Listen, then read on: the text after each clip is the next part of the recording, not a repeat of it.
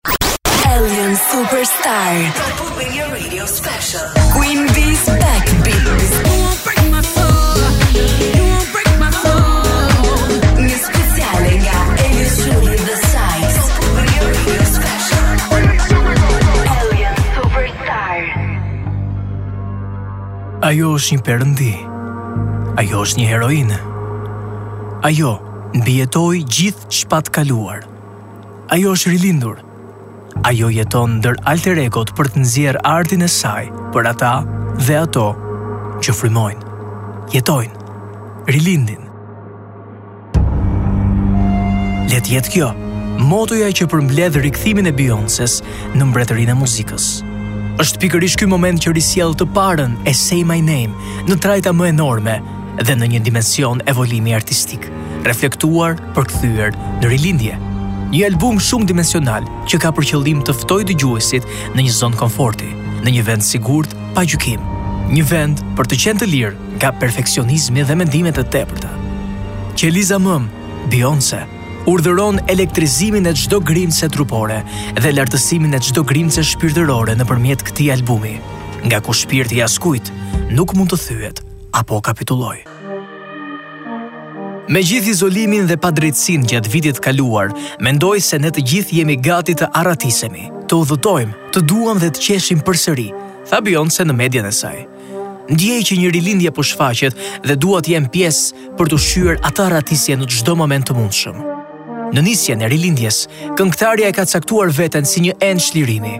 Në këngën kryesore të albumit, Break My Soul, ajo kthehet në një udhëtim përmes vetëreflektimit për të përhapur objektin edhe më qartë. Çliro zemërimin, çliroje mendjen, çlirohu nga puna, nga koha. Break My Soul, erdi si thirrja e parë e këngëtares për t'i shpëtuar izolimit social o kulturor që pandemia solli.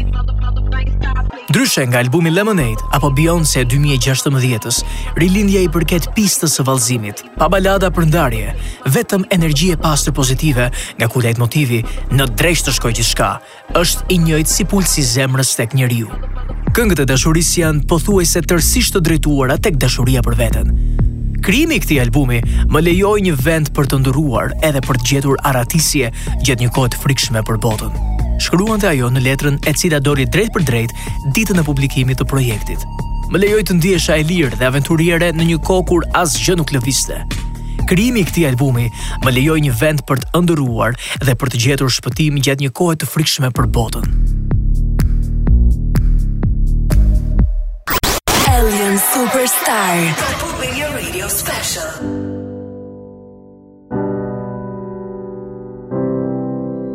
Në vazhdën e këtij universi që përmblidhet në një pistë kërcimi, Alien Superstar vjen si një paralajmërim për katarsis. Beyoncé iu kujton dëgjuesve se aura e tyre është e bukur, unike. Një këngë frymëzuar nga gjithë rrugëtimi artistik dhe sakrifica sociale e këngëtares. Termi Alien i dedikohet femrës e cila fiton suksesin nga një botë ku suksesi, unikaliteti janë medalje të botës mashkullore. Frymëzuar nga motivi i I'm too sexy të Right Said Fred, kënga vjen si nevojë e të vetëndierit për të treguar që gjithsecili ka të drejtën të jetojë, tërfet dhe të vërtetojë që është banor i tokës në mënyrë unike. Ne vishemi në një mënyrë të caktuar, ne ecim në një mënyrë të caktuar, por të gjitha këto gjëra ne i bëjmë në një mënyrë të ndryshme, unike, specifike që është personalisht e jona. Alien Superstar e gjen Beyn duke edukuar dëgjuesin ta dojë veten në mënyrën më unike dhe të reflektojë pikërisht unikalitet. Dihet pak për dy albumet e ardhshme apo format e ndryshme të rilindjes, por Variety raportoi se një pjesë e këtij cikli artistik me tre akte do të shfaqë këngë me prirje të muzikës lokale dhe shumë fansa parashikojnë një zhvillim të mëtejshëm në rrymën dance ose një kthim në rrënjët e saj R&B dhe pop. Një gjë është pak por e sigurt që diskoja ka nevojë për pak funk dhe groove, rrymë e cila gjendet me shumicë në këtë akt të rilindjes. Të jesh i lidhur me rrënjët nuk do të thotë të jesh peng i së shkuarës, por të evolosh, të rilindësh duke ditur se nga vjen pa apo me paragjykimet përreth. Queen Bee nuk ka ngurruar se gërshetuari rrënjët e saj me muzikën, përfshi këtu edhe fenë apo besimin nga ku merr frymëzim edhe Church Girl. Të quhesh vajzë kishe nuk është diçka për të cilën dëshiron të mburresh në komunitet. Kur mendoni për një vajzë kishe, imagjinoni një vajzë të re, tepër fetare, të ngurtë që këndon himne dhe vesh funde të gjata çdo ditë. E po në fakt, ajo për të cilën Beyoncé lufton në këtë këngë është t'i prezantojë botës moderne se disa vajza të kishës janë në të vërtetë mjaft të egra sapo godasin klubin. ose shikuar nga një këndvështrim tjetër, ato zakonisht janë aq të rezervuara saqë kur u jepet mundësia të sillen të lirshme, këto zonja, vajza, gra, priren të provojnë gjithçka. Arsyeja e krijimit të Church Girl është pikërisht për të zhbërë stereotipin apo paragjykimin e vajzave besimtare, por edhe për të strukturuar mënyrën si shoqëria ua ka caktuar krijuar stilin e jetesës. Beyoncé i fton vajzat e saj të përzihen me jetën nëse duan pa u ndier fajtore. Në këtë këngë, Beyoncé si vajzë e rritur në kishë dhe me struktura të forta fetare, u drejtohet vajzave të saj, duke i ftuar të ndihen aq të barabarta, sa të tjerët nuk mund t'i paragjykojnë. Ishte bukur për aq sa zgjati. Kjo nuk është një fjali që arti i Beyoncé s'e pranon. Me vite Beyoncé ka treguar që e bukura zgjat pak, Me rëndësi është të dish si të ruash me vite këtë pakt edhe kur të tjerët tentojnë të ta marrin.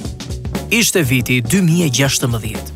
Pyetja se si mund të tradhtohet Beyoncé u bë kryefjala e mediave dhe vetë hakmarrja artistike e titulluar Lemonade e çoi përçarjen e çiftit Beyoncé dhe Jay-Z në një tjetër nivel sa revoltues, aq edhe njerëzor. Ylli i muzikës foli publikisht për pabesinë e bashkëshortit, duke quajtur gruan tjetër, Becky me flokët e bukur. Një vit më pas, Jay-Z e trajtoi skandalin, duke pretenduar se stili i tij i jetesës rezultoi në mbyllje emocionale dhe përfundimisht në tradhti. Por njerëzit evolojnë. Duke qenë se ky album sjell rilindjen e shpirtit artistik të këngëtares, nuk kishte se si të mungonte një këngë dedikuar raporteve familjare. Në njërën prej këngëve, këngëtarja e njohur i referohet lidhjes 21 vjeçare me bashkëshortin e saj, reperin Jay-Z, duke kënduar se askush nuk është perfekt, dhe se ata nuk kanë nevojë për pranim nga bota. Ne nuk kemi nevojë për pranimin e botës. Ata janë shumë të ashpër me mua, janë shumë të ashpër me ty. Këndon Beyoncé në Plastic off the Sofa, duke iu referuar vëmendjes së vazhdueshme mediatike që ka marrëdhënia e saj me Jay-Z. Me sa duket këngëtarja, është e bindur se Jay-Z nuk do ta përsërisë më sjelljen e tij problematike. Ndaj në një varg thotë, "Unë jam numri 1 dhe jam e vetmja."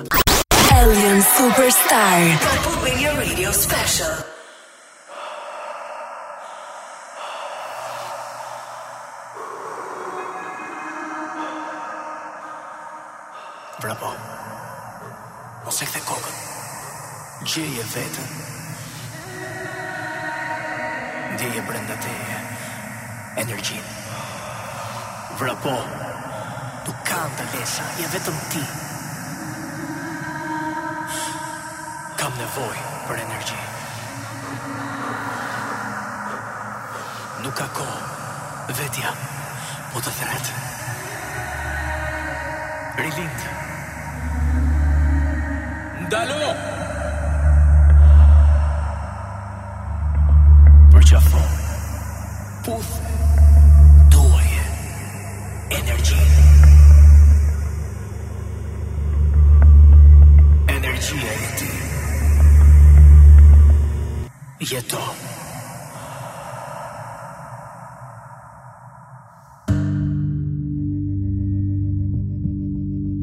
Në vitin 2019, në një mbrëmje çmimesh për të drejtat e komunitetit LGBTQ+, Beyoncé deklaroi: "Dua t'ia kushtoj këtë çmim xhaxhait tim Johnny, gejit më fantastik që kam takuar ndonjëherë, i cili më rriti mua dhe motrën time, tha ajo. Dëshmia e betejës së tij me HIV ishte një nga përvojat më të dhimbshme që kam jetuar ndonjëherë. Shpresoj që lufta e tij shërbeu për të hapur shtigje për të rinjtë dhe të tjerët për të jetuar më lirshëm. Albumi i ri i Beyoncé është i zhytur thellë në kulturën queer.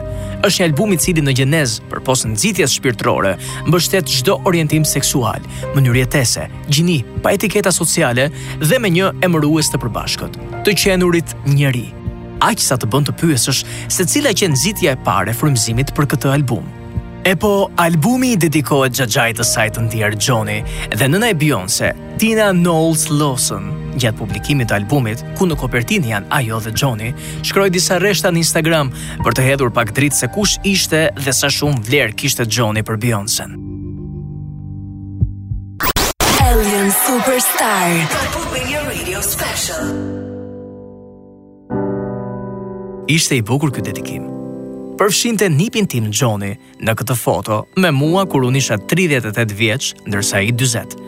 Tek fotoja e albumit ne jemi në një klub dhe ai qepi fustanin për mua. Johnny ishte njeriu im më i afërt në botë. Ne ishim të pandashëm teksa rriteshim bashkë. Më vonë, ai u bë dadoja, administratori, dizenjuesi, partneri i vallëzimit, i besuari dhe miku im, vazhdoi Knowles Lawson. Unë qeshja vazhdimisht me të dhe i besoja pa kushte. Kur ai vdiq, një pjesë e imja shkoi me të. Vajzat e mia të vogla e adhuronin. Ai më ndihmoi t'i rris ato dhe ndikoi në ndjesitë e tyre, në stilin dhe unikalitetin e tyre. Ai ka qepur fustanin e maturës së Beyoncé. Mbrëm, ajo më tha të dëgjoja me vëmendje fundin e këngës Heated dhe dëgjova fragmentin e tekstit. Xhaxha Johnny më ka qepur fustanin dhe m'u përlotën sytë.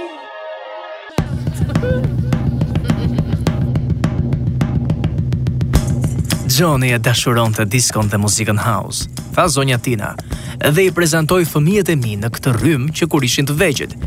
Tani ai po i buzëqesh nga qielli Bey-t, duke thënë se ia dole zonjushe.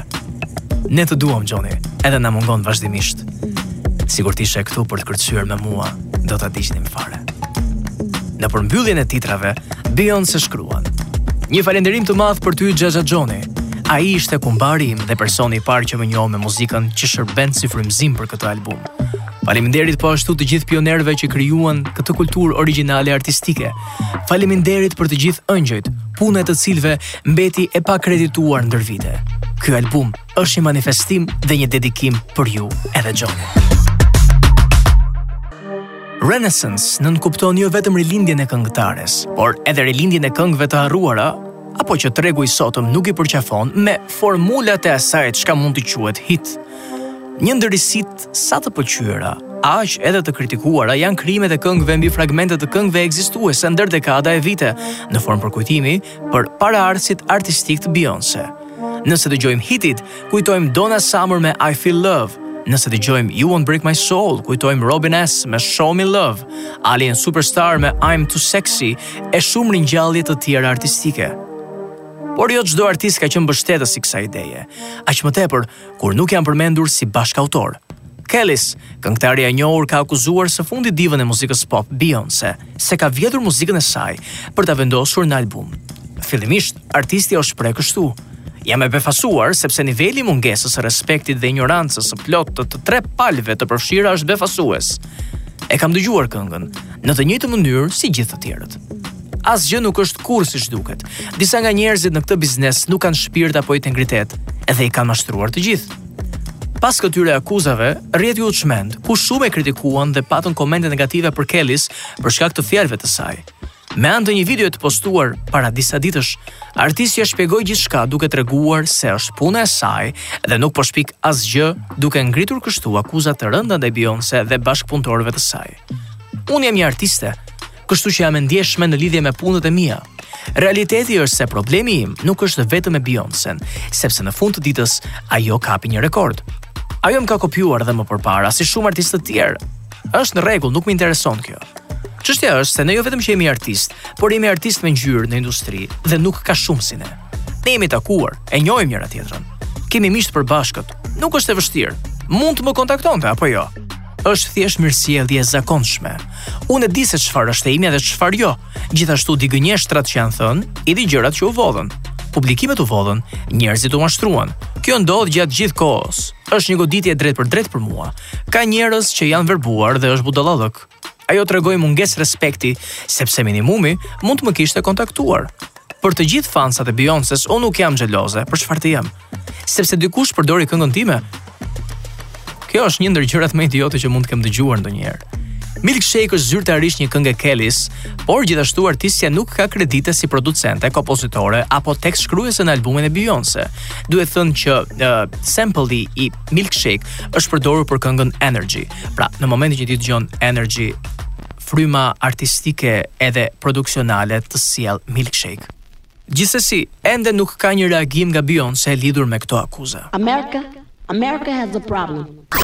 Alien Superstar. Për të gjithë fansat e mi, uroj të gjeni gëzim në këtë projekt muzikor. Uroj që t'ju frymëzojë për të shkarkuar energji negative, për t'u ndjerë aq unikë, të fortë dhe seksi sa ju jeni. Ju dua thellësisht. Kështu e përmbyll Beyoncé rrëfimin e saj në këtë akt të parë rilindjeje me porosinë që në të gjithë këtë orbitë tokësore, qendra dhe boshti kryesor është gjithsecili që ka forcën të thotë: Unë jetoj. Një album i cili erdhi nga nevoja personale, sociale, kulturore, një album që në një farë mënyre zgjon gjithë mllefin apo revoltën e kësaj periudhe të vështirë, postpandemike, një album që flet për shpirtin, për njeriun, për personalen. Çfarë doni më tepër? Rilindni.